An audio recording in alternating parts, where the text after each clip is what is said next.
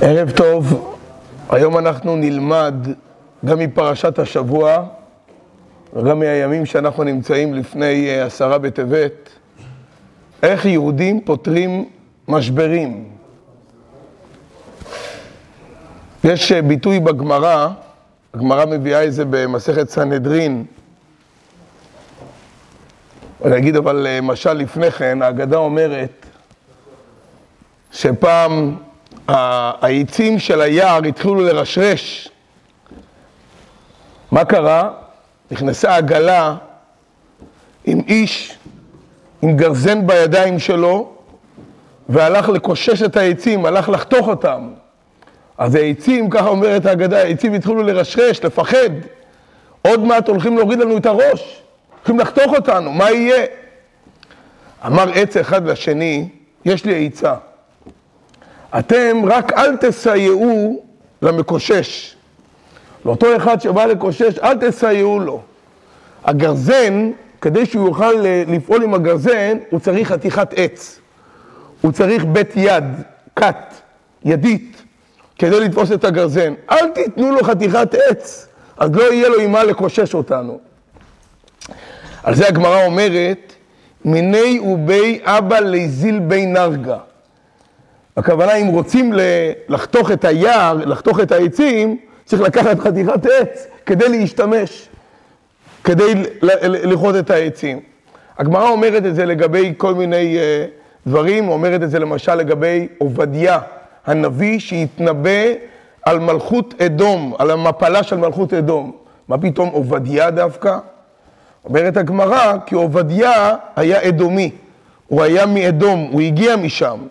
ולכן הגמרא מביאה את זה, לכן הקדוש ברוך הוא זימן לידו שהוא זה שינבא על מלכות אדום, להראות שדווקא מתוך מלכות אדום יהיה מישהו שיתנבא על המפלה. אותו דבר גם דוד המלך, שהיה לו מלחמה עם המואבים, והוא הצליח איתם. למה?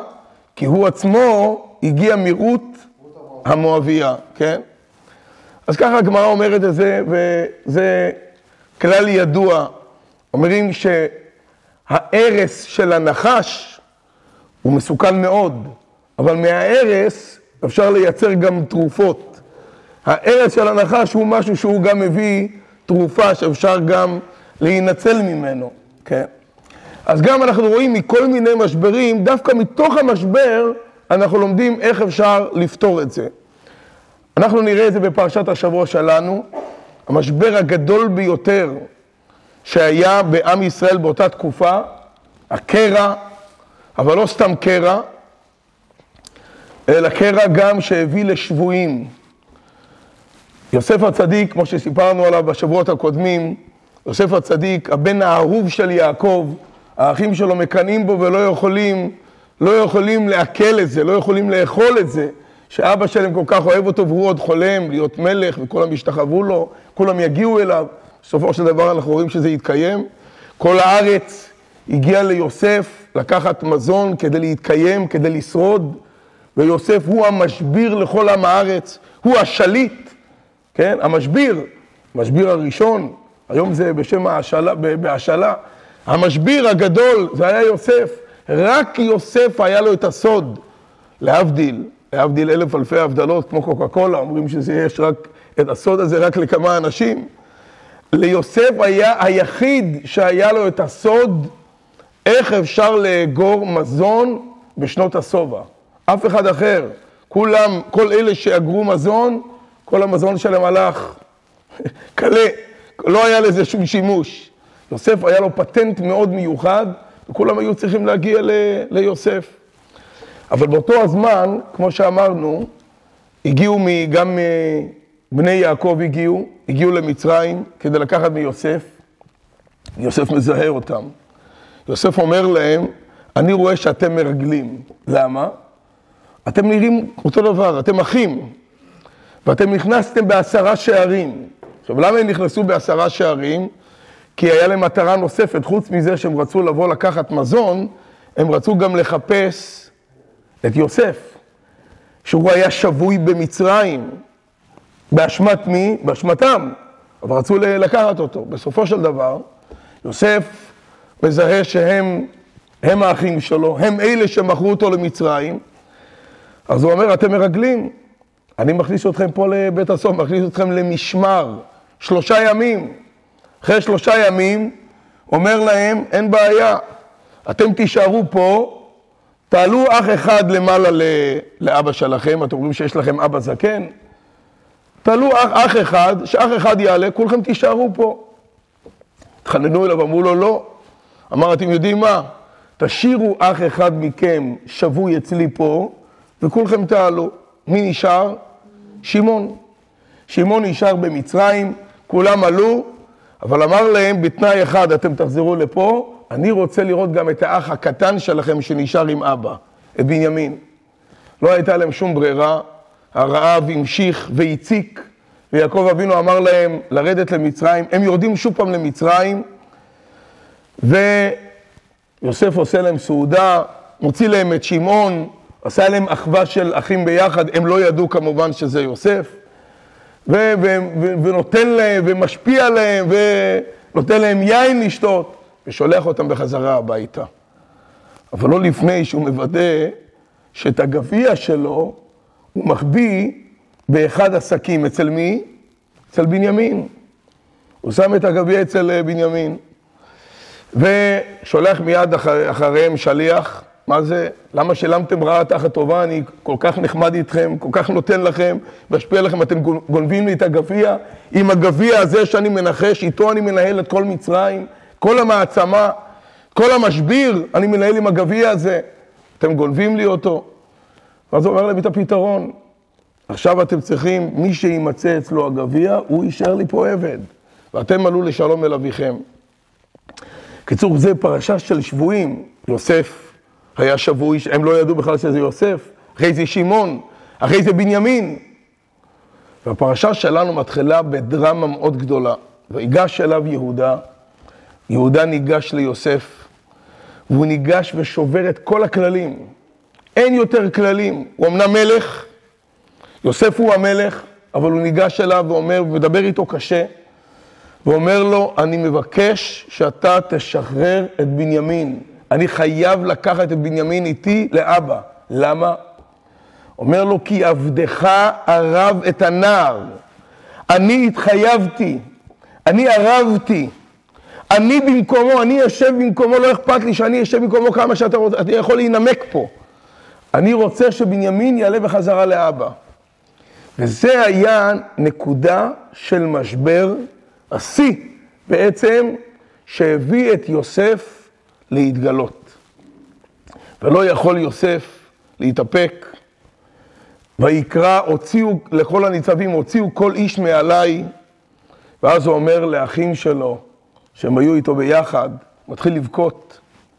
יוסף הגיבור, יוסף ששרד את כל הנפילות ואת כל הטרגדיות שהיה לו במצרים, פתאום הוא מתחיל לבכות ואומר להם, אני יוסף אחיכם אשר מכרתם אותי הנה.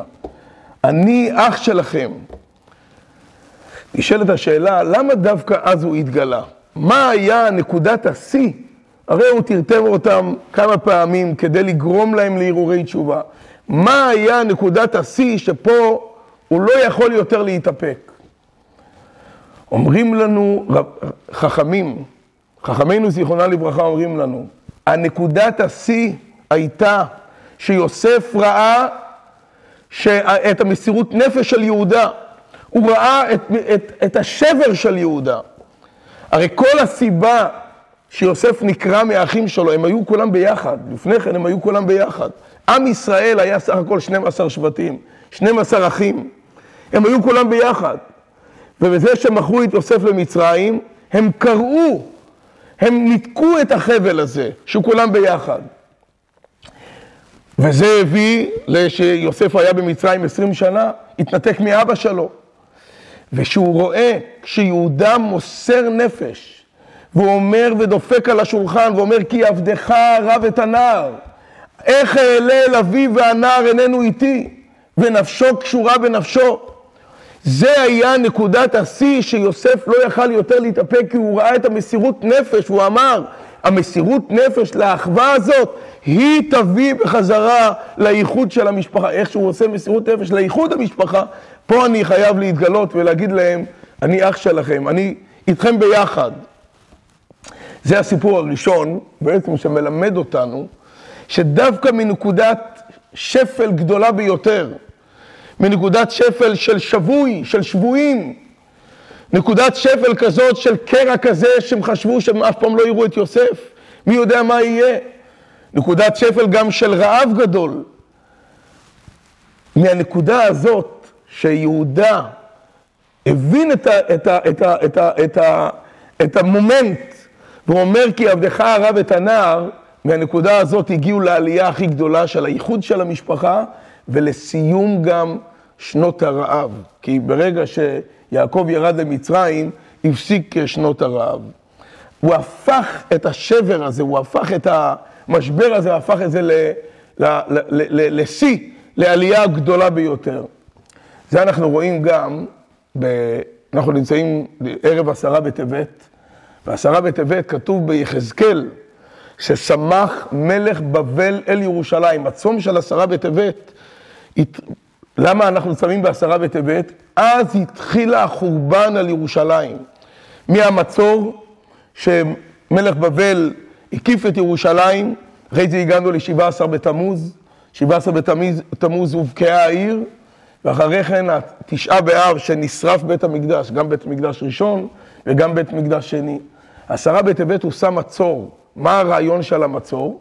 המצור כדי לכלוא את כל עם ישראל, כל מי שהיה שם באותה תקופה, לכלוא אותם בתו, ב, ב, במקום אחד, כדי שיהיה שם רעב, כדי שהם יתמודדו לבד, לראות איך הם ממשיכים הלאה.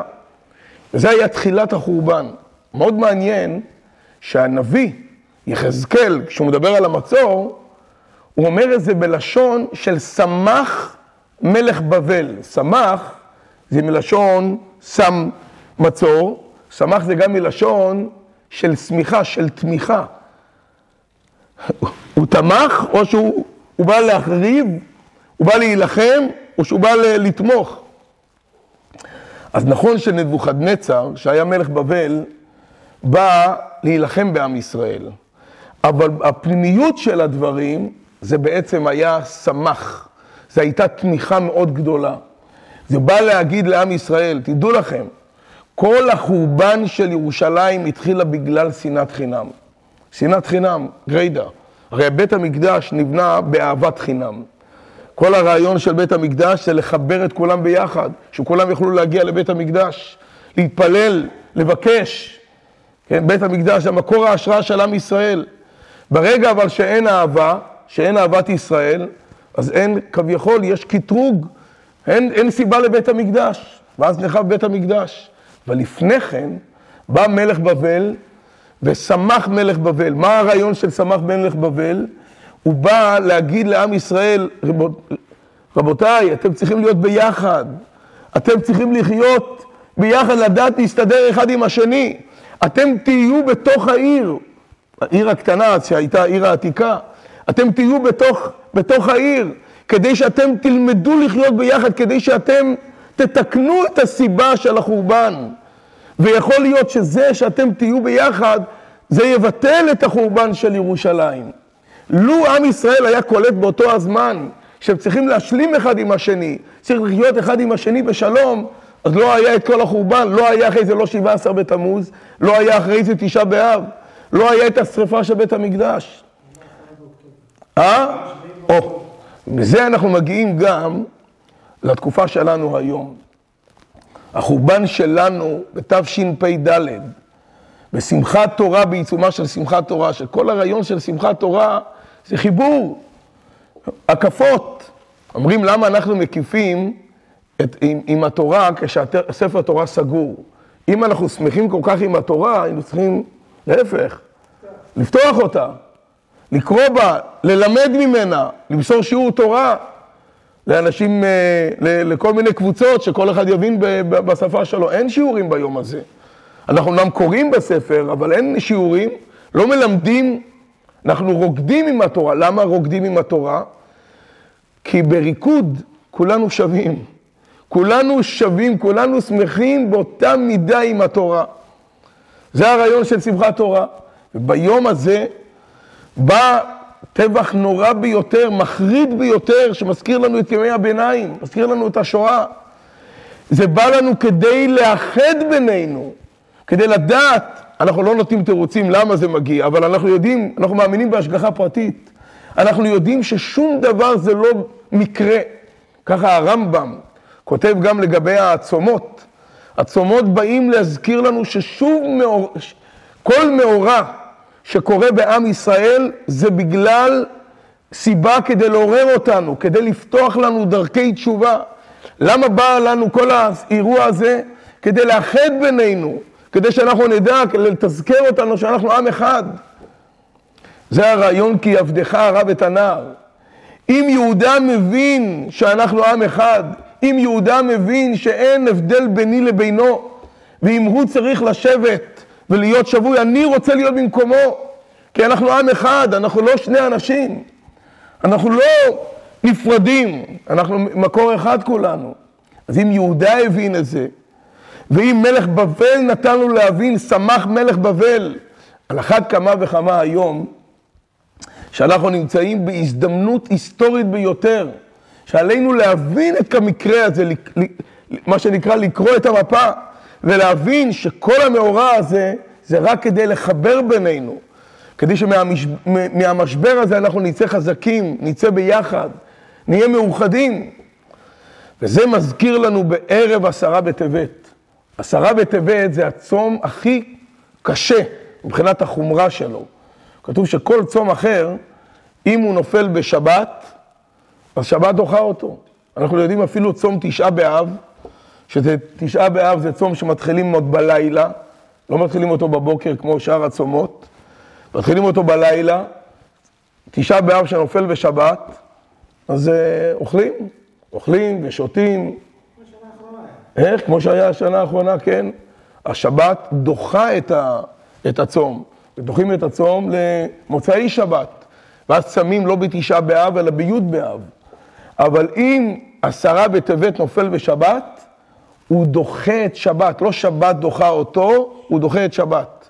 עד כדי כך החומרה שלו, אה? או, אבל זה לא קורה אף פעם, כי חכמים סידרו את זה בצורה כזאת שזה לא קורה. אבל לו זה היה קורה, זה היה דוחה את השבת. כי הצום של עשרה בטבת הוא צום חמור ביותר. זה התחילה של המצור, תחילה של החורבן. אבל מה, מה הרעיון של התחילה של החורבן? כדי שאנחנו נבין ונדע איך לסיים את המשבר. מתוך המשבר, מתוך הרעיון של המשבר, אנחנו מבינים שכל, הכל קרה בגלל פירוד, פירוד לבבות, בגלל שנאת חינם.